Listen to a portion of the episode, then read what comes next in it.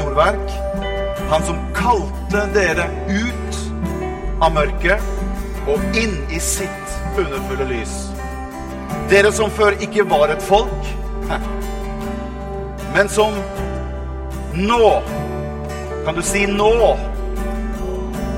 Som nå er Guds folk. Dere som ikke hadde funnet barmhjertighet, men som nå har funnet barmhjertighet. Fantastisk. Du vet, Det var ikke noe utdannelse som kunne kvalifisere meg til det. Verken om jeg var rik eller fattig, om jeg var lys eller mørk, om jeg hadde lykkes her i livet eller ikke lykkes her i livet, om jeg kommer fra den nasjonen eller jeg kommer fra den nasjonen, om jeg har den kulturelle bakgrunnen eller jeg har en annen kulturell bakgrunn, om jeg taler ett språk eller om jeg taler et annet språk. Uansett så måtte vi alle sammen legge bort alt det. Det var bare én mulighet å komme inn i Guds rike. Det var at Han kalte oss inn. Halleluja. Alt er på grunn av Jesus. Alt er på grunn av Han.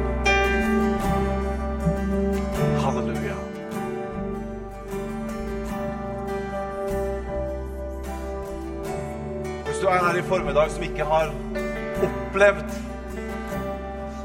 å få ditt liv i orden med Gud, så er dette din dag hvor du kan få lov til å si et ja til å komme i kontakt med Gud.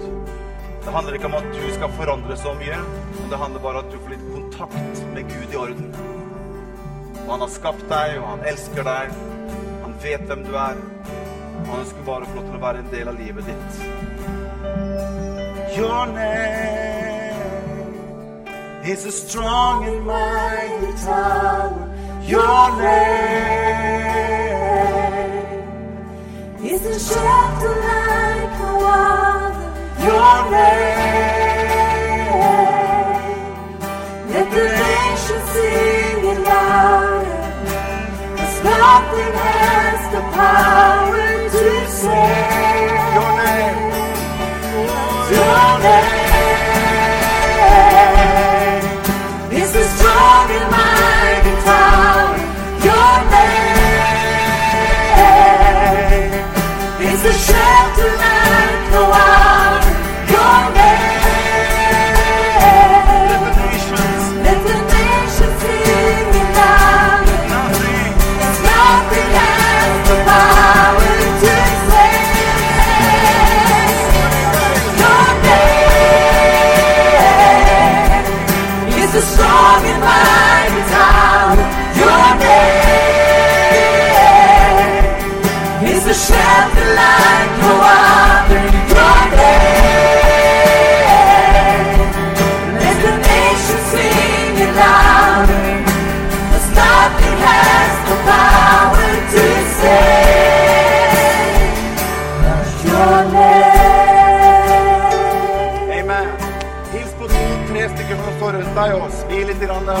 litt god med dem. Og si godt å se deg. Du ser jo fantastisk ut i formiddag. Godt å se dere alle sammen. Si det selv om du ikke mener det. Akkurat da er det lov. Bra. Godt å se dere alle sammen. Jesus lever. Oi sann. Jeg prøvde meg på et lite sånt 'Jesus lever'. Bra. Godt. Det var betryggende. Hvis du roper ut 'Jesus lever' til kirka, så får liksom, hele forsamlingen litt sånn usikker, da har vi en eh, Da har vi et eh, Da må vi ta ABC en gang til. Men Jesus lever. Amen.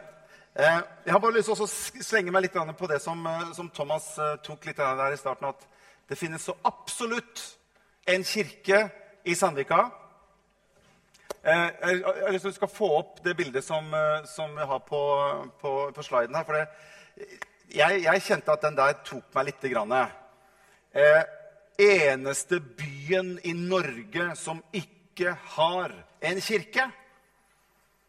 Jeg tenkte at det jo, kan ikke være Sandvika. Eh, og der står det altså det, står under at det er merkelig at en så folkerik by som Sandvika ikke har en vanlig kirke i gangavstand fra bykjernen. Det vil jeg gjøre noe med, sier Vangestad, og viser villig vekk frem sine vyer i strandkanten på Sjøholmen i Bærum. Men da har jeg lyst til å si at det, vi har en kirke ganske sentralt i Sandvika. Mer sentralt får du ikke det. Vi har faktisk kjerka vår inne i kulturhuset. I den byen, i den kommunen som heter Bærum kommune. Og her er det 600 mennesker som elsker Jesus. Og hvis ikke det er kirke, så vet ikke jeg. Amen! Så jeg har lyst til jeg, jeg, Vi skjønner, skjønner litt hvor han vil, og det er for så vidt greit, men jeg bare kjente at det bare trigga meg lite grann. Og det er ikke alltid jeg går ut med sånn, der, liksom sånn, der, sånn pårop om et eller annet. Men jeg har litt Hvor mange av dere som er på Facebook? Få se her. Hvor mange er som er på Facebook? Ja. Eh, jeg kan ikke rekke opp hånda, for jeg er jo ikke på Facebook. Eh, men eh, dere som er på Facebook, da. Eh, I forbindelse med den artikkelen der så er det en Facebook Hvis du går inn på Bustikka sin Facebook-side, så tror jeg du finner den eh, saken der.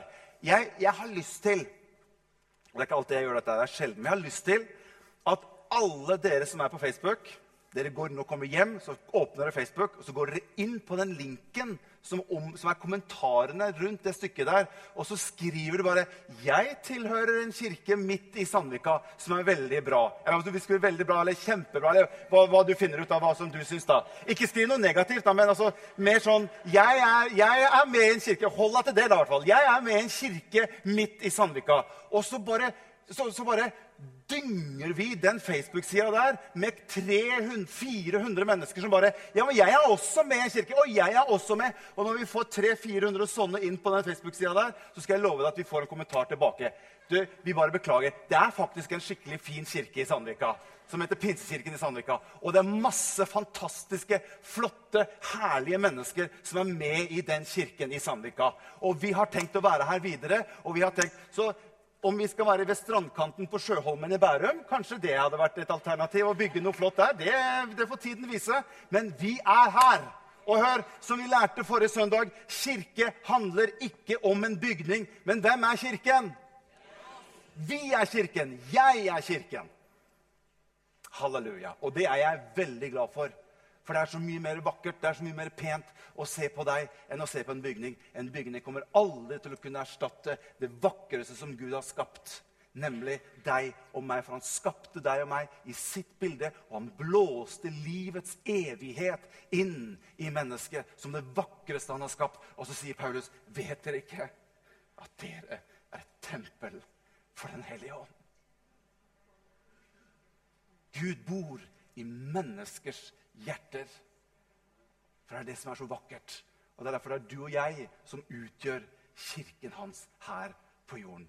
Amen. Så da har vi tatt den. Bra. Vi skal gå litt videre. Jeg, jeg hørte en historie om det, det var en mann som, som, kom til en kirke for aller første gang.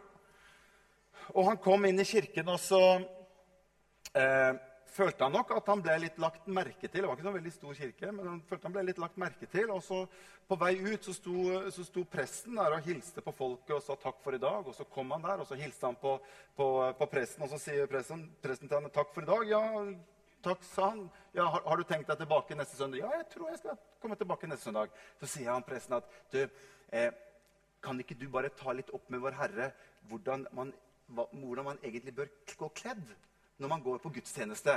Han synes ikke om han, Det, det, liksom, det ikke, passa ikke helt inn, liksom, sånn som han hadde gått kledd. da. Han på han, Jo, det kan jeg sikkert ta opp med Vår Herre. Det går sikkert greit, det. Ja, gjør det. Så kommer du tilbake neste søndag, så er, det, er du, så er du hjertelig velkommen. Så kommer han tilbake neste søndag kledd akkurat likt som forrige søndag. Og presten blir litt forstyrra under talen sin og ser jo dette her, og han kjenner at dette her er jo ikke helt bra. Så når han står ute og hilser på folk etterpå, når han kommer til han, og så sier han ja, hei, takk for forrige søndag, jo, takk, takk for i dag, så, spurte han du, by the way, liksom, men eh, spurte du Vår Herre litt om hva som, vært, som er en anstendig, greit antrekk å ha på seg på en søndag formiddag? Når du tok det opp med Vår Herre? Ja, sa han. Jeg tok det opp med Vår Herre, sa han. Ja, ja, hva sa Vår Herre? Nei, Han sa at jeg beklager, men jeg har aldri vært i den kirka de sa han. Så jeg vet ikke. Ok. Her kan du få lov til å komme akkurat som du er. Og vi ønsker å ha et fellesskap som strekker seg ut til alle mennesker. Alle typer mennesker. Tenk å kunne få lov til å bare være et sted hvor jeg kan få lov til å være meg sjøl. Og bare være i et fellesskap hvor Jesus er i sentrum. Og innenfor Jesus, innenfor Gud, så er vi alle like.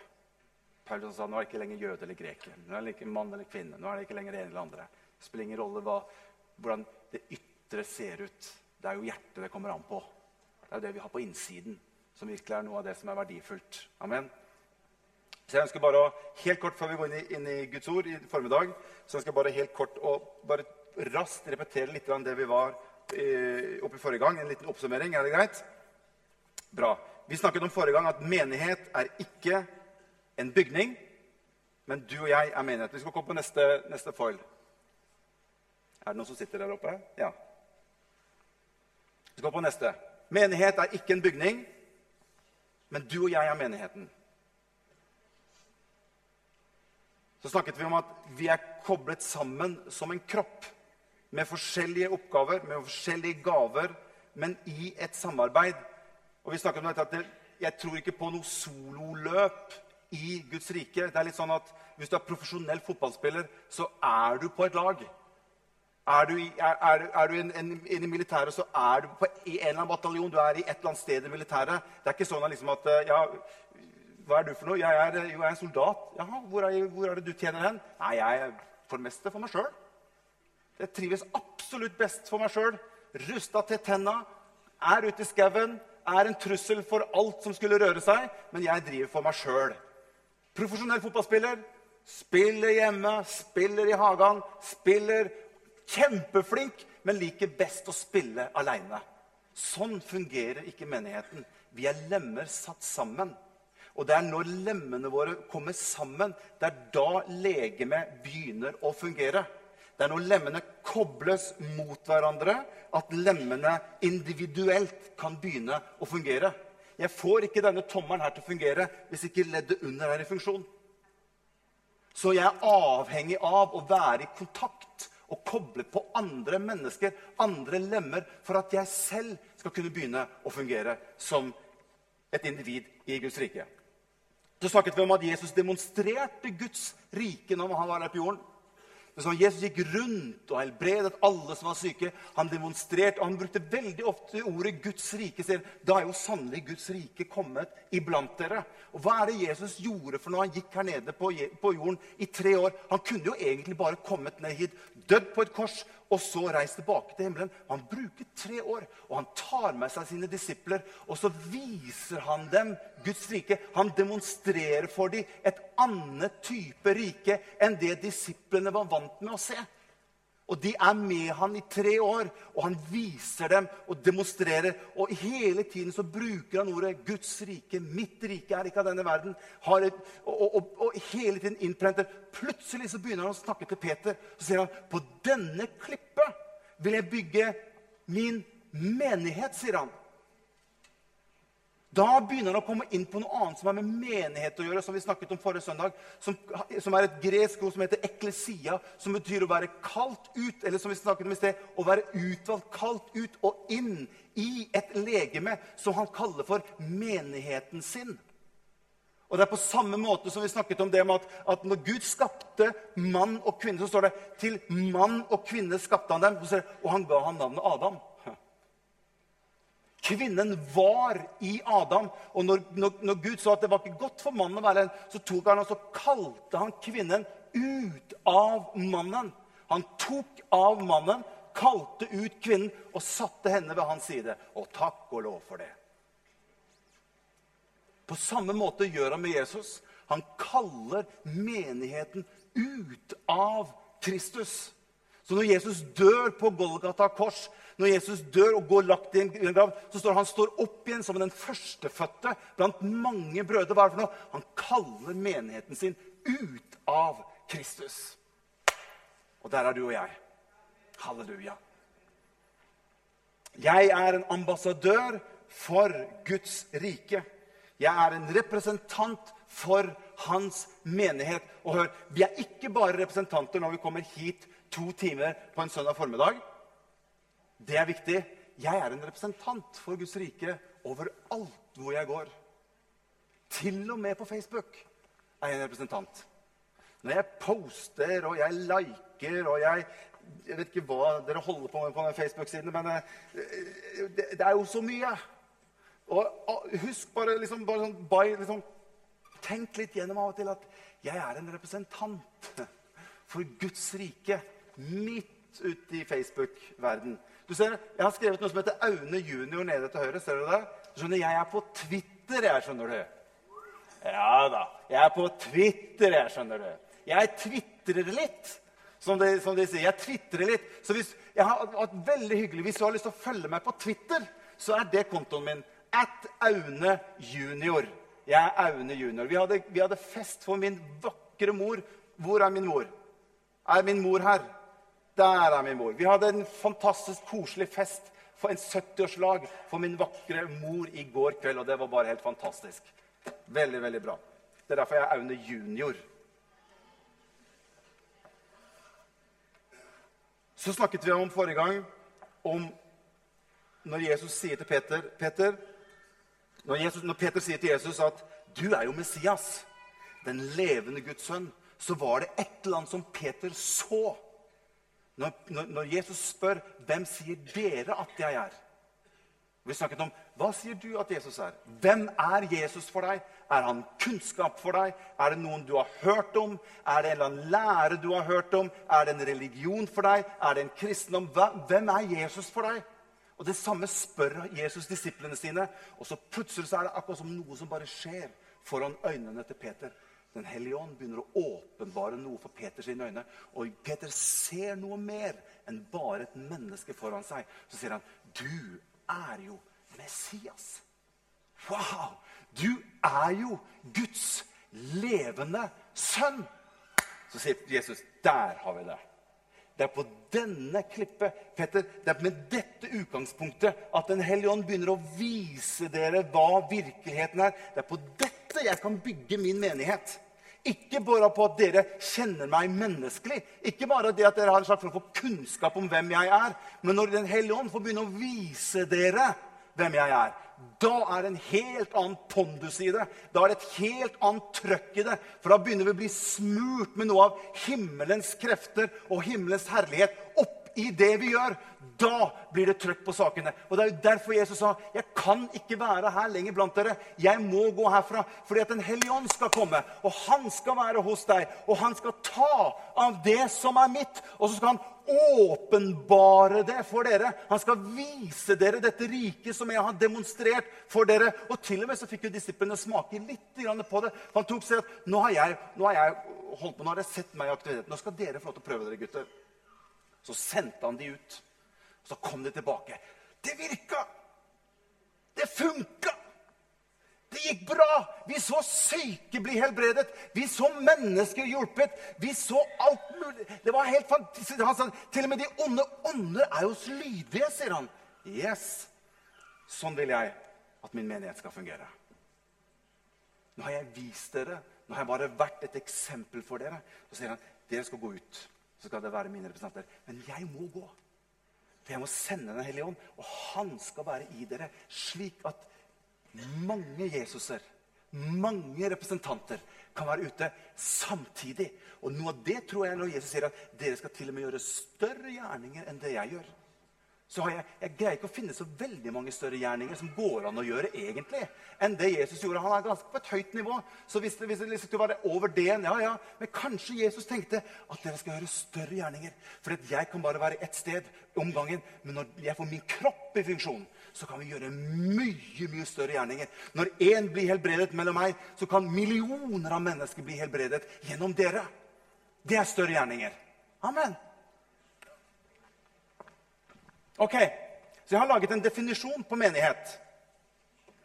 Menighet er et fellesskap av mennesker som er etterfølgere av Jesus, utrustet av Den hellige ånd for å fullføre Guds oppdrag på jorden. Er den grei? Menighet er et fellesskap av mennesker som er etterfølgere av Jesus. Utrustet av Den hellige ånd for å fullføre Guds oppdrag på jorden. Og hør, Vi kommer alle til å greie det uten Den hellige ånds hjelp. Vi er, vi er nyttesløst uten Den hellige ånds hjelp. Det er nyttesløst uten den åpenbaringssiden som Jesus hadde når han så Peter. Du er Messias. Og Det skulle vært fantastisk å vært der og stått og sett. Jeg er helt sikker på at Det gikk opp et lys for Peter der og da. Ah, så så han det. Ja, det er fantastisk. Vi skal gå videre. Efeserbrevet kapittel 2 og vers 19. Så jeg har skrevet her hva er, hva er menighetens hensikt?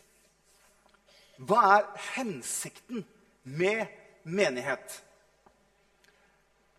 Hensikten med menighet dette må du få med deg, to punkter, er å spre kunnskap om Guds rike til andre mennesker. Den andre delen er å bygge opp de troende til all god gjerning. Så menighetens hensikt er todelt. Det er å spre Guds rike rundt og bygge opp de hellige til all god gjerning. Se hva som står i Efeserbrevet kapittel 2 og vers 19. Derfor er dere ikke lenger fremmede og utlendinger. Nei, dere er de helliges medborgere og Guds familie. Dere er bygd opp av apostlenes og profetenes grunnvoll med Kristus Jesus selv som hjørnestein. Så står det han holder hele bygningen sammen, så den vokser til et hellig tempel i Herren. Og i ham se hva som står, blir også dere bygd opp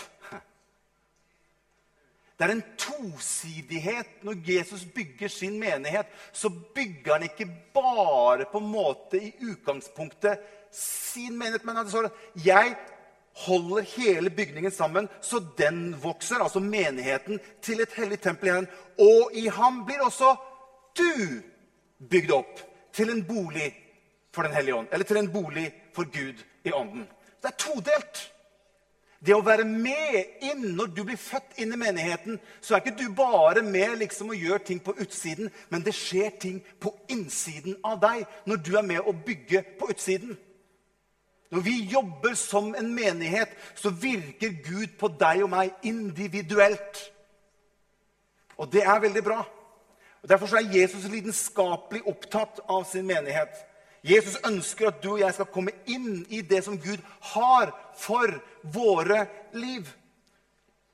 Så Det er to ting som jeg ønsker bare å dele med dere i formiddag. Det første ordet er fellesskap, som Leif eh, Arne var innom, og, og, Rune var innom. Og vi skal, vi skal, etterpå skal vi ha litt fokus på life-grupper, for dette er veldig veldig viktig. For Jeg har lyst til å si litt om dette med, med, med, med fellesskap. Jeg sa litt om det forrige gang, men jeg har bare lyst til å poengtere det enda mer. Det er litt interessant når, når, når, Gud skaper mennesker, når Gud skapte Adam, så ser du at Gud sier at det er godt, det er godt, det er godt. det er godt. Han så på det, og det er godt. Og så skaper han Adam. Og etter at han har skapt Adam, så sier han at her er et eller annet som på en måte ikke er godt. Selv før syndefallet skulle tro alt var perfekt. Men Gud skaper Adam med et eller annet rom på innsiden hvor det virker som for Gud sier at det er ikke godt for mannen å være alene. Ja, men Gud var jo der. Ja, Men det virker at selv med Gud så var det likevel et rom i mennesket som det ikke var godt for mennesket å være alene. Ser du tanken? Skulle tro at Gud hadde glemt et eller annet. Han hadde ikke fått med seg alt. Eller oi, nå er, et eller annet, nå er jeg skapt han. Det er ikke godt for han å være alene selv når jeg er her. liksom.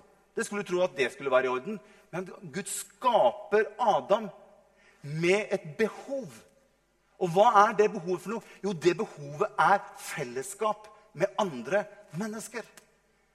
Det er ikke bare det at Gud skapte Adam, og så skapte han kvinnen etterpå. Takk og lov for det, altså. Det er veldig ålreit, og vi er, vi er takknemlige til Gud for det. Uten å komme litt mer inn på det. Men tanken fra Gud når han sier at det er ikke godt for mannen å være alene, det er ikke godt for mennesket å være alene. Det trenger fellesskap. Derfor har Gud skapt deg og meg til fellesskap. Se hva som står i Romerne 12, vers 4. For slik som vi har mange lemmer på et legeme, men uten at alle lemmene har samme funksjon, Slik er vi selv, om vi er mange, ett legeme i Kristus, og hver enkelt er vi hverandres lemmer. Hvis ikke dette er snakk om fellesskap, så, så vet ikke jeg. Og hør, jeg, jeg har sagt det så mange ganger. jeg kommer til å si Det så mange ganger. Det er fellesskapet med andre mennesker som kommer til å få deg inn i din tjeneste for Gud. Hvis du tenker at jeg skal kjøre en slags form for sololøp og liksom komme inn i Guds store kall for ditt liv, så tror jeg du bommer. For Gud har nettopp skapt fellesskapet for at du med din tjeneste, med din oppgave, skal komme i funksjon. Du er avhengig av å være i fellesskap med andre lemmer, med andre mennesker, slik at den funksjon, slik at den oppgave som du har, skal kunne komme i funksjon. Det er nettopp det som skjer. Ta bare med Maria og Elisabeth når Maria får dette kallet fra Gud til å være med å føde Guds sønn. Og hun ønsker å være med å dele dette med noen. Hvem kunne hun dele det med? Hun kunne dele det med Elisabeth, som også var utvalgt. Som også var kalt av Gud. Maria gikk og kjente på et eller annet. Elisabeth også var kalt av Gud. Hun også kjente, Men hun hadde plutselig kjenne at det var kanskje ikke noe liv der likevel.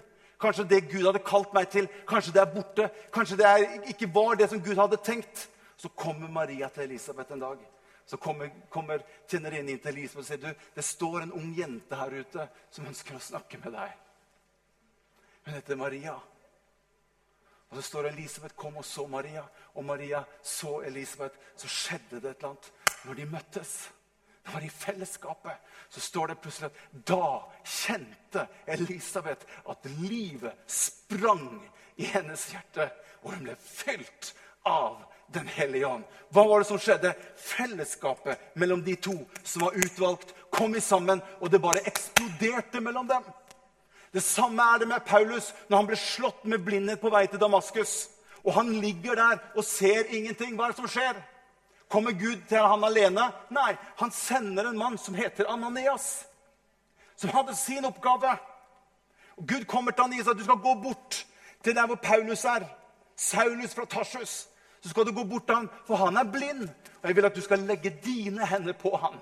Du har en oppgave, Ananias. Og Paulus, som er der borte, er avhengig av at du kommer bort og forløser han til sin tjeneste. Det er sånn det fungerer. Og Ananias kommer bort litt smånervøs. for Han hadde gått rykter om at han fyren her han dreper liksom folk som han. Og, og Han var litt nervøs, men han hadde fått et syn, og han gikk på dette synet. Og han kommer inn til Saulus. Så sier Saulus at 'jeg har også fått et syn'.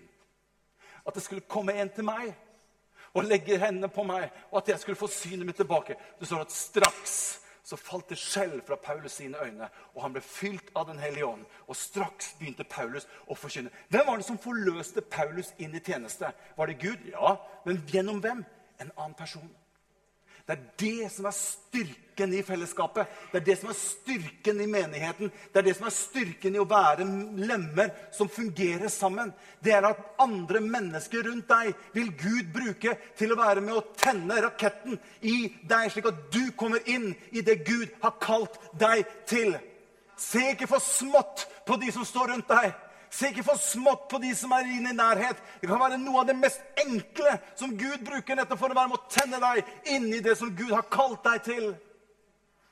Josef han ble tatt og solgt som slave til Egypt. Og han havner inne i fengsel, for han hadde fått et dårlig rykte på seg. eller Noen hadde sladret på, på, på Josef og satt ut en løgn om han, og han havner inne i fengsel. Og Josef han var i fengsel med sin drøm. Å, Gud, jeg ønsker å bli brukt av deg. Jeg ønsker at du skal bruke meg, Gud. Hva er det som skjer? Josef han begynner, og så sår han inn i andre menneskers drømmer. Midt inn i fengselet. Før, hør, før han hadde sett sin drøm gå i oppfyllelse. Likevel så bruker Josef tid på å investere i andres drømmer. Og han er til velsignelse for de to andre. Og han forløser de to ut ifra fengselet. Og til slutt så kommer hans drøm i oppfyllelse. Hør, Noen ganger så kan du være med og så inn i andre menneskers liv. Være med og oppmuntre andre mennesker, og de venter på deg. Og jeg vil si, Det er en Elisabeth som venter på at du skal komme og besøke henne eller si noe positivt, oppmuntrende og være til hjelp for mennesker, slik at mennesker kan være med og forløse hverandre inn i tjeneste. Og i et fellesskap som dette så kan alt skje. Alt kan skje. La oss være med og dele fellesskap med hverandre. og være med, og det står det, La oss kappes om og hedre hverandre, oppmuntre hverandre. Ikke det motsatte. Ikke la oss hedres om å kappe hverandre, men la oss kappes om å hedre hverandre. Det er mye bedre, og det gjør ikke så vondt. Er dere med? Halleluja. Derfor er jeg så glad for det vi gjør med life-grupper nå. Jeg vil si til dere som er i menigheten her, kom deg inn i en life-gruppe. Kom deg inn i et fellesskap med mennesker som kan være tennfaktorer i livet ditt til å være med og komme deg litt nærmere inn på livet og være en hjelp for deg, være en styrke for deg, være en oppmuntring for deg, være en trøst for deg, en, noen som kan ta en samtale med deg. Du skal få lov til å se hvordan livet ifra Jesus virker ut i life-gruppene. Og det blir steder, det blir nedslagsfelt hvor Den hellige ånd kan få lov til å begynne å operere. Og stedet for at vi har én samling her en søndag, så har vi 20-30 samlinger hvor Guds ånd kan få lov til å begynne å virke og snakke, oppmuntre og forløse mennesker til tjeneste. Det er så mye mer effektivt. Så jeg oppmuntrer deg. Ta kontakt etter møtet. Tenk på det. Spør Herren. Herre, hvis du vil at jeg skal være en life-gruppe, vis meg en life-gruppe jeg skal være med i. Og la oss få lov til å fylle hele menigheten med life-grupper. Er ikke det ålreit, Arne? Det, det, her er jo veldig greit. Amen. For vi er skapt til fellesskap. Det er ikke for at Arne skal få en stjerne i boka, men vi ønsker bare å være med sammen og bygge Guds rike. Johannes 15, 5. Jeg skal gå videre her. Johannes 15, 5. I feel like preaching this morning. I have a lot of my heart, and I want to preach the gospel of Jesus Christ. Amen! Oh, hallelujah! Er det noen engelsktalende her? Det var ikke engelsk, det var fransk, tror jeg. Johannes 15, 5. Jeg er vintreet, sier Jesus, og dere er grenene. Den som blir i meg og jeg i ham, bærer mye frukt. For uten meg kan dere slett ikke gjøre noe. Ser du, ser du, ser du tosidigheten av å bygge menighet, men selv bli oppbygget? Ser du det? Ser du at de to tingene henger i sammen. Dere blir i meg. Hva i meg? Jo, i min kropp. Menigheten. Og jeg blir i dere. Og hva er resultatet av det? Da bærer dere frukt. Om dere blir i meg, og jeg blir i dere, da bærer dere mye frukt. Fantastisk. Punkt nummer to, siste punktet, det er eierskap. Gå, gå sammen med Johannes kapittel 10 og vers 12. Johannes kapittel 10 og vers 12. Han skal bare dele noen tanker rundt dette med å ha et eierskap til kirken. Der sier Jesus at 'jeg er den gode hyrde'. Den gode hyrde gir sitt liv for sauene. Men den som er et leiekar og ikke hyrde, og som selv ikke eier sauene, han forlater dem og flykter når han ser ulven komme. Og ulven kaster seg over dem og sprer flokken. For han er bare leiekar og har ingen omsorg for sauene. Jeg husker jeg har jobbet mye i, i, i, i det selskapet som jeg har, er eh, fortsatt litt aktiv i, som heter Mobilaksept. Og vi har leid inn massevis av konsulenter i, i, jobbsammenheng. Og vi merket jo fort at en konsulent som du leier inn, han har jo ikke, eller hun har jo ikke det eierskapet til mobilaksept eller selskapet som det kanskje jeg har, som, som er medeier. Jeg har lagt ned tid, jeg har lagt ned penger, jeg har lagt masse ned. Og jeg får et enormt eierskap til det jeg holder på med. De leiekonsulentene som vi leier inn, de er jo ikke, bryr seg ikke så mye. De ønsker bare å få betalt og så gå ut derfra. Og hør, Noen ganger så tenker jeg at kanskje noe av dette har, kan også være en tendens i menighet. At vi blir, på en måte, vi blir bare konsulenter inn i menighetene våre. Vi, bare, vi, vi, vi er bare til stede og kanskje bare nyter litt og bare får tingene. Men vi, vi tar ikke noe eierskap i det. Og Det er dette jeg tenker er viktig for oss i det å bygge menighet. Det er at du og jeg at vi får et eierskap til det. Og fellesskap tror jeg krever eierskap. Jeg tror det også resulterer i eierskap. At hvis du gir deg til et fellesskap, så vil noe av eierskapet komme. Det står et skriftsted i Bibelen som står at der hvor din skatt er, der vil ditt hjerte være. Og Jeg har hørt så mange predikanter som bare feilkvoterer der. De sier der hvor ditt hjerte er, der vil din skatt være. Men det står der hvor din skatt er, der vil ditt hjerte være. Ditt hjerte følger din skatt. Når du investerer i noe, så vil hjertet ditt med en gang begynne å gå mot det. Hvis du investerer i en aksje Oi, oi, oi. Jeg skal love deg at den aksjen begynner å få oppmerksomhet. Til og med så kan det være noen som begynner å be litt for den aksjen. At den skal liksom modnes og ja, heves litt. og man forventer, liksom, Plutselig så får du et eierskap i det. Hvorfor det? Jo, for du har begynt å investere i det. Og dette tror jeg Gud ønsker at du og jeg skal gjøre med hans menighet. Han har lagt et fantastisk sted. Hør hva som står i Salme 92, vers 14. Salme 92, vers 14 det står at de som er plantet i Herrens hus, skal spire eller blomstre i vår Guds forgårder. Ennå i høy alder skal de bære frukt. De skal være kraftige og frodige, så de kan forkynne at Herren er rettvis. Han er min klippe, og det er ingen urettferdighet til ham. De som er plantet i Herrens hus. Det betyr å være rotfestet. Og når du blir rotfestet, det har noe med at du begynner å investere i det. Du begynner å sette røtter inn i det som har med menigheten å gjøre. Du går inn med hele deg, og du ønsker å være med å investere i hans menighet. Det er jo ikke min menighet, men det er jo hans menighet, som du er en del av. Er dere med meg fortsatt? Dere, dere, er dere med? Ja, Det er ikke for dypt, dette her. Dette går bra. Det er dette som handler om å få eierskap til det vi holder på med. Hvis vi går inn bare på søndag og går ut igjen og Det vil aldri bli noe eierskap. Og du vil aldri få det i hjertet ditt heller. Derfor ønsker Gud at du og jeg skal være med å investere i Guds rike. Og jeg skrev at Gud har gitt oss som mennesker et fantastisk sted som heter menigheten, som har sterke løfter knyttet til seg, som du og jeg kan få ta del i. Gud ønsker at vi skal forvalte menighet på en god måte i livene våre. Og jeg har skrevet her menigheten er ikke din tidsfiende, men din mulighet til velsignelse. Menighet er ikke din tidsfiende, men din mulighet til velsignelse. Skal jeg si det en gang til? Jeg kjente for å si det i hvert fall en gang til. Menigheten er ikke din tidsfiende.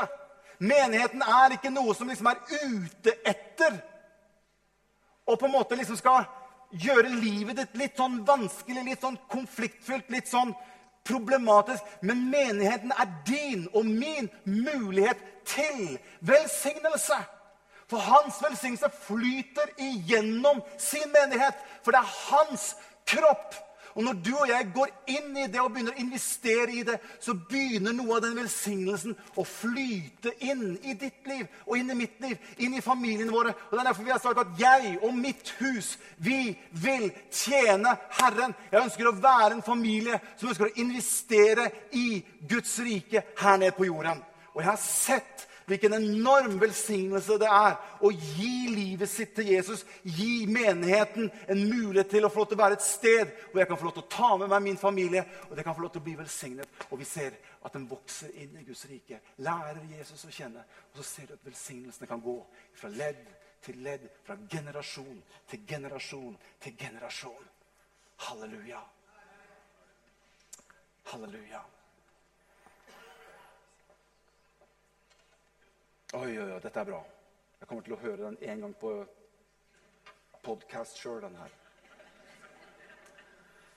Da kan jeg i hvert fall spole da, hvis det blir litt kjedelig. Men eh, jeg har skrevet her 'kresen kunde' eller 'en smart investor'.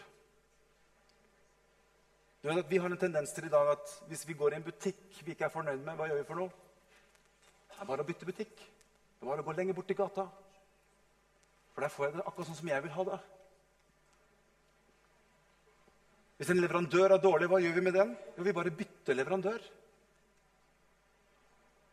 Og Noen ganger så tror jeg at vi kan få noe av den mentaliteten inn i Guds menighet. At vi kommer bare for å Skjønner du tanken? Hvis ikke jeg er fornøyd, ja, så bare kan jeg jo bare bytte. Men jeg tror jo på at måten å forandre ting på, det er jo at jeg går inn som en investor. Jeg går inn i menigheten med den tanke på at når jeg går inn, så kan jeg være med å investere i dette. Og det kan jo føre til en forandring. Hæ? Det er jo det disse store gutta, Kjell Inge Røkke og alle disse her, det er jo Når de går inn i et selskap, så går de inn med trua på at når jeg går inn, så blir det forandring. Når jeg går inn, så kan jeg være med og gi meg selv til fellesskapet, slik at det kan bli bedre. Og Derfor er det viktig at du og jeg får et eierskap til kirken vår. Jeg setter mine egne behov og ønsker i sentrum. Og som Egil Svartdal sa, og danser rundt min egen gullkalv. Og Det er ikke bra. Men Gud har ikke kalt oss til å være kresne forbrukere i sin menighet. Men han har kalt oss til å investere jeg og mitt hus, vi vil være med å tjene Herren. Jeg har skrevet her, Vi må gå over fra å være selvopptatt til selvoppofrende.